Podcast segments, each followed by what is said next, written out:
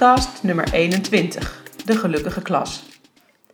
Hallo, ik ben Simone Servati en je luistert naar een podcast in de non-stop onderwijskwestie Zomermarathon. Tot en met 1 september zend ik iedere dag een podcast uit over een onderwijskwestie die mij raakt. Vandaag lees ik een fragment voor uit het werk van Theo Thijssen. Theo Thijssen was onderwijzer met een roeping. Hij leefde onderwijs en was van 1898 tot 1921 onderwijzer op verschillende scholen in Amsterdam.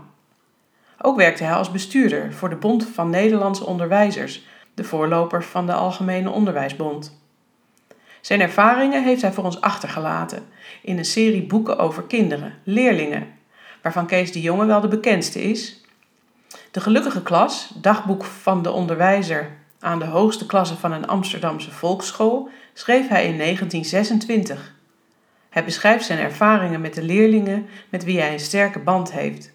Zijn betrokkenheid strekt verder dan het klaslokaal en hij heeft in speciale gevallen moeite met het behouden van een professionele afstand tot zijn leerlingen. Dat is zijn bevlogenheid, zijn roeping. Het deed mij sterk denken aan mijn eigen schooltijd in de jaren 70 van de vorige eeuw. En het is echt, het doet ook nog denken aan zaken die vandaag nog steeds actueel zijn: administratie en het gevoel van werken voor de inspectie. Ik lees een fragment voor van oktober, dinsdagavond.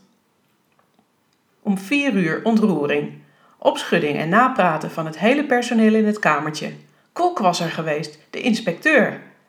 In alle klassen, en iedereen had een min of meer pikant verslag, het bleek dat meneer Kok op jacht was geweest naar paradeschrift en register, want bijna overal had hij daarnaar gevraagd.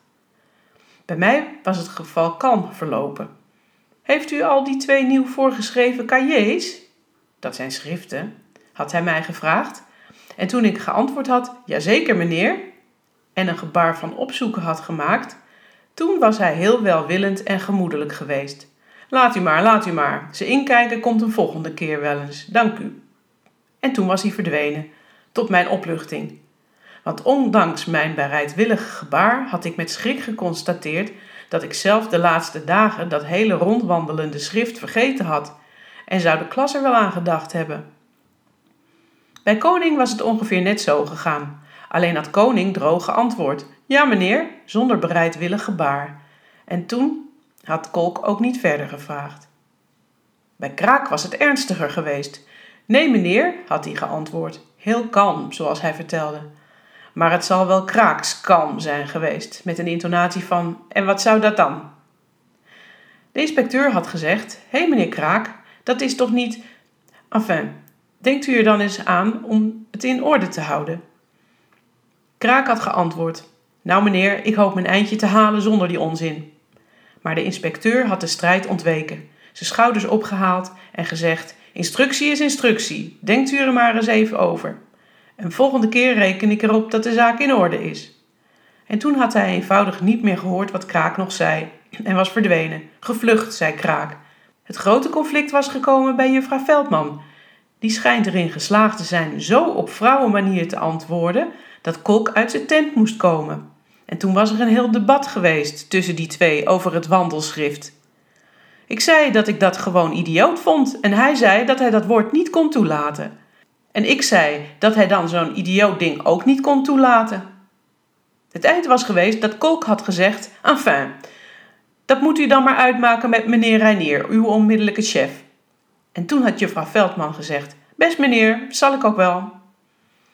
We keken allemaal even naar Reinier, die stond met veel zorg een sigaar op te steken. Hij legde bedachtzaam de lucifer in het asbakje en sprak toen: Natuurlijk, dat is de volgende instantie, dat hij mij er eens overlastig valt. Dit keer heeft hij het nog niet gedaan eigenlijk, wel jammer. Want weet je wat nou het komieke is? Juffrouw Veldman hoeft helemaal nog zo'n wandelschrift niet in haar klas te hebben. De instructie schrijft dat pas in de hogere klasse voor. Ik meen in 5 en 6 alleen. Als je me nou, viel juffrouw Veldman uit, en tegen mij maakt hij drukte. En hij was het helemaal niet met me eens toen ik zei dat zoiets voor die kleine schapen onmogelijk was. Ik zeg nog tegen hem, in een hoogste klas waar ze werken kunnen en geregeld veel schriftelijk werk maken, taalwerk en opstellen en zo, en vraagstukken beredeneren, daar kan ik me voorstellen dat je er op de beurt. Dus je kletste feitelijk ons erin, riep koning lachend. Maar ze vervolgde onverstoorbaar.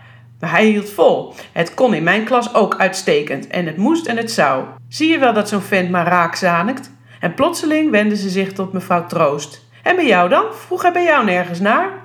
Mevrouw Troost glimlachte rustig. Hij is bij mij niet geweest. Ik heb niemand gezien hoor. En jij?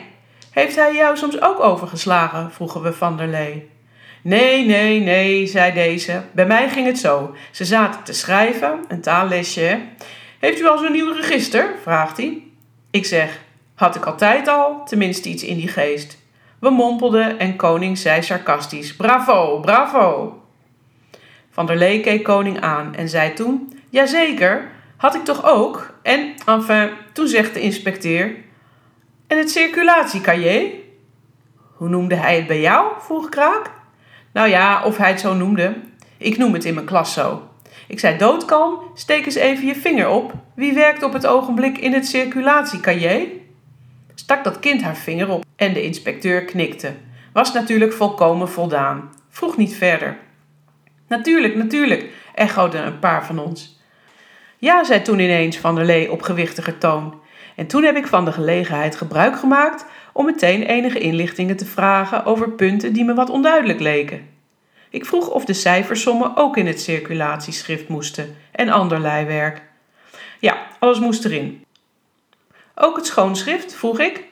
Ja, het schoonschrift ook.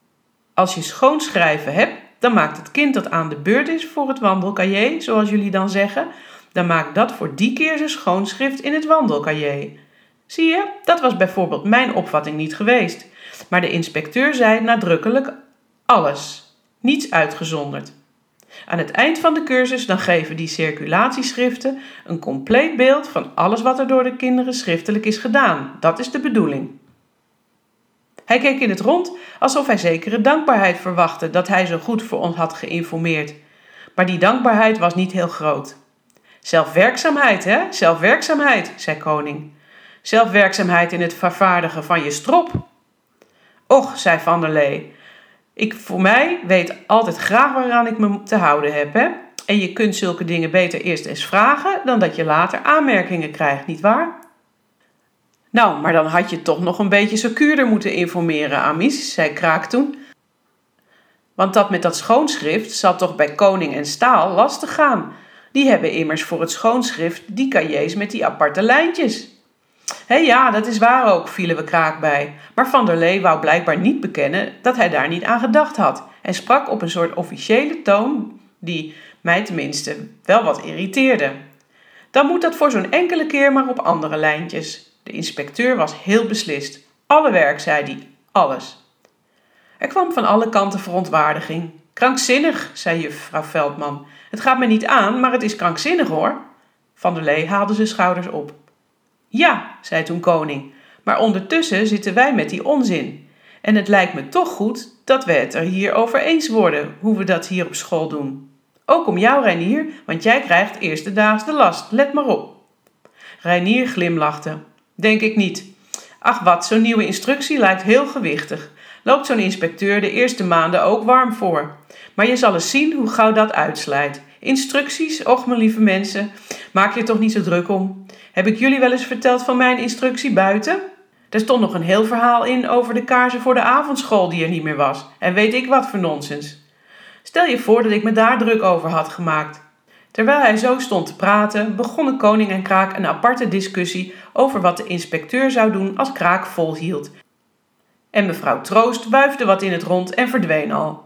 Ja, zei ik, we hebben er al veel en veel te veel tijd aan verkletst. Laten we ook maar naar huis gaan. Tot zover het fragment uit de gelukkige klas van Theo Thijssen. Wil je reageren op de uitzending? Of heb je een onderwijskwestie die je met mij wil opnemen? Stuur dan een mailtje naar simone.sarfati.nu. Als je het interessant vond, deel deze podcast dan of abonneer je op mijn kanaal. Weet dat ik het waardeer en weet ook dat je meer informatie over passend onderwijs kunt vinden op mijn website www.sarfati.nu. Sarfati met PH en IE. Bedankt voor het luisteren, een zomerse groet en tot passend weerziens.